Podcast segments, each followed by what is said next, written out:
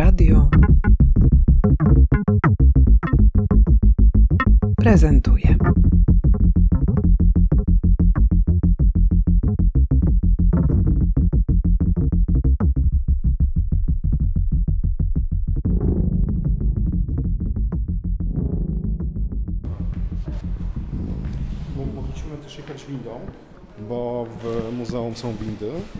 Dlatego że jesteśmy muzeum dostępnym i otwartym. Robert Zydel, dyrektor Państwowego Muzeum Etnograficznego w Warszawie. Dbamy o to, żeby osoby na wózkach i z wózkami również mogły swobodnie poruszać się po przestrzeni.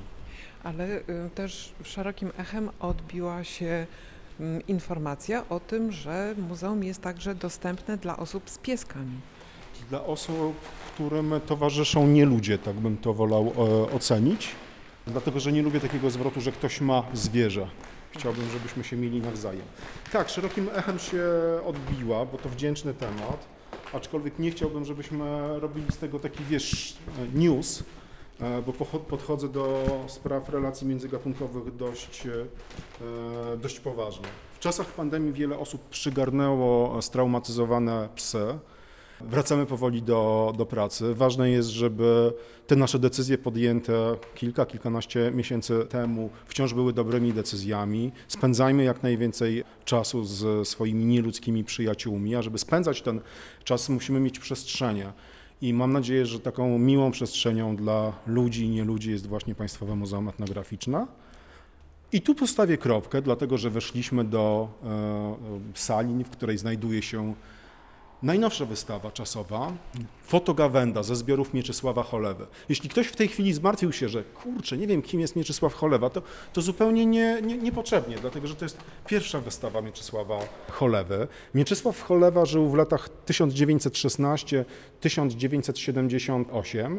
E, Mówię to nie dlatego, że się jakoś wykułem, tylko żeby podać e, i zarysować pewien kontekst e, momentu, w którym Cholewa tworzy. Cholewa pochodzi z inteligenckiej, ziemiańskiej e, rodziny, herbu Cholewa, to nie jest, to nie jest chłopskie nazwisko, ale jest zakochany, jest chłopomanem, e, użyję tej XIX-wiecznej kategorii, jest osobą, która zaraża się miłością i do gór, i do pejzaży górskich, ale również do ludzi, którzy w górach e, żyją, mieszkają. Do tego stopnia jest badaczem, kolekcjonerem, że w pewnym momencie no, zaczyna sam wyglądać jak góral, zeznawać jak góral, ma program artystyczny w towarzystwie muzykantów, chodzą po domach wczasowych i e, mają przygotowany no właśnie program taki stand-uperski z żartami, e, z góralską gotką i z, e, z muzyką. Przejdźmy może, może dalej.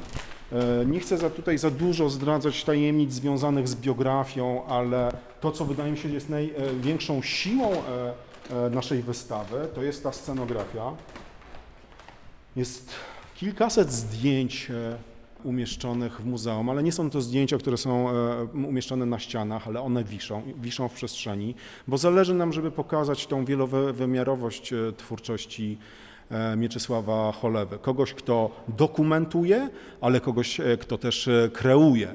Kogoś, kto jak na tym zdjęciu przebiera się w dniu chrzcin swojej córki za górala, E, Widzimy cyfrowane portki, widzimy kapelusz. E, Małżonka również przebrana, chrzestni przebrani. No ale widzisz tam e, e, z tyłu kto stoi? Kto tam stoi? No to tato stoi.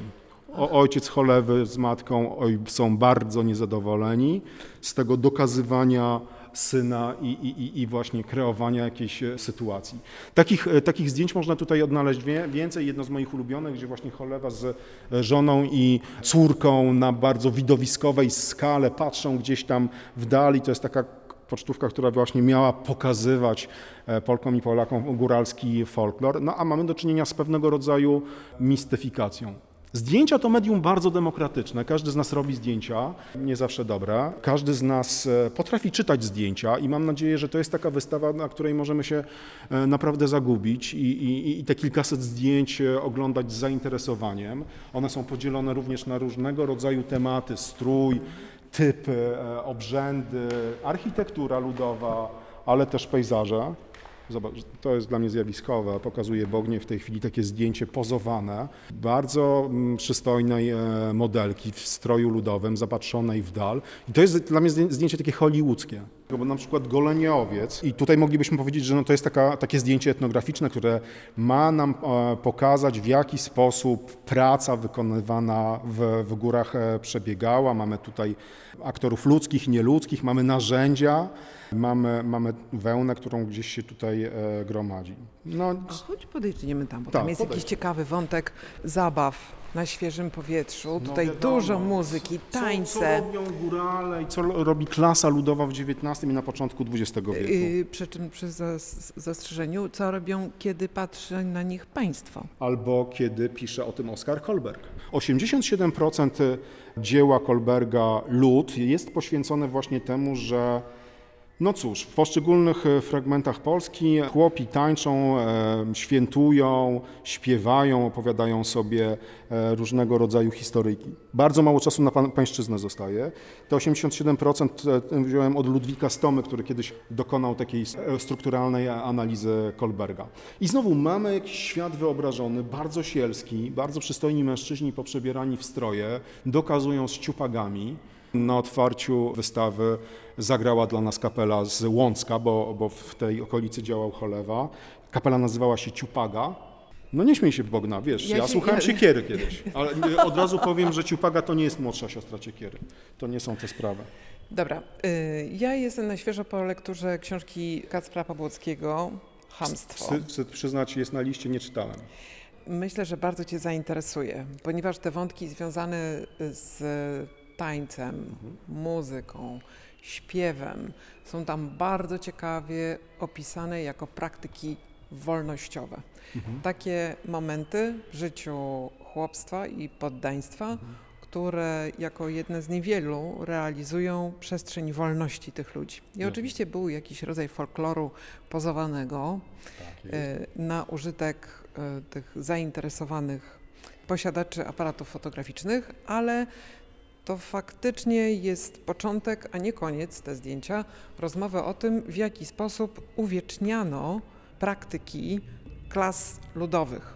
I czy tu cholewa jest jakimś ciekawym przykładem właśnie wniknięcia po to, żeby nie tyle przedstawiać, ile romantyzować, nie tyle e, opisywać, ile fantazjować. Znaczy i opisywał, i fantazjował. Gdyby on dzisiaj żył, to z pewnością miałby profil na Instagramie i dużo lajeczków. E, Z pewnością byłby w jakiejś grupie rekonstruktorskiej albo w jakimś e, zespole ludowym, a uczestnictwo w tego typu wydarzeniach to nie są tanie, tanie sprawy. I z pewnością zarażałby nas pasją, pasją do tych swoich poszukiwań ludowo-górskich.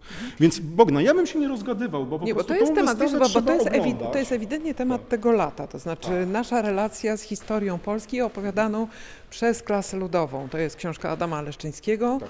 Ludowa Historia Polski, to jest książka Kacpra Pobłockiego, więc to jest ewidentnie jakaś kwestia do przepracowania Mhm. i być może e, oprócz propozycji lektur, jeśli ktoś jeszcze nie czytał e, tych książek, to jest także mocny punkt zaproszenie na tę wystawę. A dokąd ty mnie właściwie tutaj prowadzisz, bo idziemy ja, jakimiś ja teraz korytarzami i... prowadzę przez wystawę Czas Świętowania, dzień dobry, gdzie mamy właśnie w taki sposób, powiedziałbym, klasyczny, to czego się wymaga od etnografów i etnografek, żeby pokazywać kulturę i sztukę e, ludową, ale pozwól, że nie będziemy się zatrzymywali, porwę cię wyżej i e, dalej. Bogna, bo e, ty nie jesteś z Warszawy, ale jakbyś była z Warszawy, a zwłaszcza z Dolnego Mokotowa, to wiesz w jakim stroju e, powinnaś chodzić e, na wybory albo do kościoła, albo do synagogi. No pokaż, który?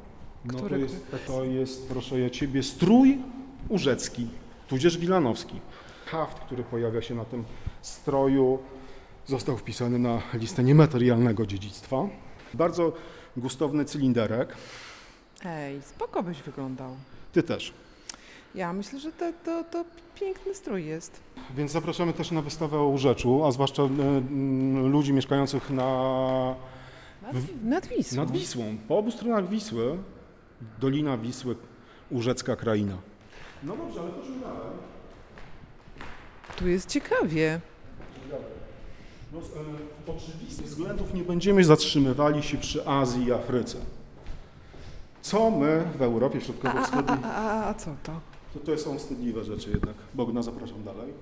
to ym, Tak, bardzo, bardzo, bardzo. Zamierzamy się dekolonizować, ale na razie w- takie wystawy również są w muzeum. Proszę bardzo. Kolejna klatka schodowa, kolejne wystawy. Ściany ata- atakują nas kolorami. Ja myślę, że to jest w ogóle ukryta mm, atrakcja w Muzeum Etnograficznym. To jest takie labiryntowe, freestyle'owe zwiedzanie tego budynku, mm, no takim jakby to powiedzieć, niekończącym się, wijącym się pasażu wystaw. Można być taki labirynt. Idziemy po tej nitce, czyli po żółtych strzałkach. No i my to robimy w jakimś tempie super, hiper, ekstra ekspresowym, O, bo tam, Bogna tam. mi dała 20 minut. No zazwyczaj robimy to w 90. Ten niezły, ten, ten z czerwoną taką jakby materią przerzuconą Tak. przez tors. Co to? Rozumiem, Masaj. Masaj? Tak. No za niski. Dobra. Ale Briches, fantastyczne rzeźby z papieru meksykańskich twórców. Ale znowu nie interesujemy się przecież kulturami pozaeuropejskimi. Skupmy się na tym, co tutaj w Europie Środkowo-Wschodniej. Zapraszam Bogna wyżej. Zaraz, przecież to jest ciekawe. Chwileczka, jest te wycinanki, co to? Ale mamy 20 minut. Yy, trudno, musicie nam wybaczyć. Idziemy dalej, klatką schodową. Znaczy ja liczę na to, że po prostu wrócisz i, i, i uznasz, że to muzeum warte jest poświęcenia kolejnych 20 minut, a kto wie, może 30. A jakbyśmy weszli do magazynów, to moglibyśmy wyjść za dwa dni. Otóż, drogie słuchaczki i słuchacze, Bogna poprosiła to, żebym wybrał jedną wystawę i opowiedział. Ja wybrałem dwie. Ta druga, na której jesteśmy, to wystawa pod tytułem Biblia Pauperum.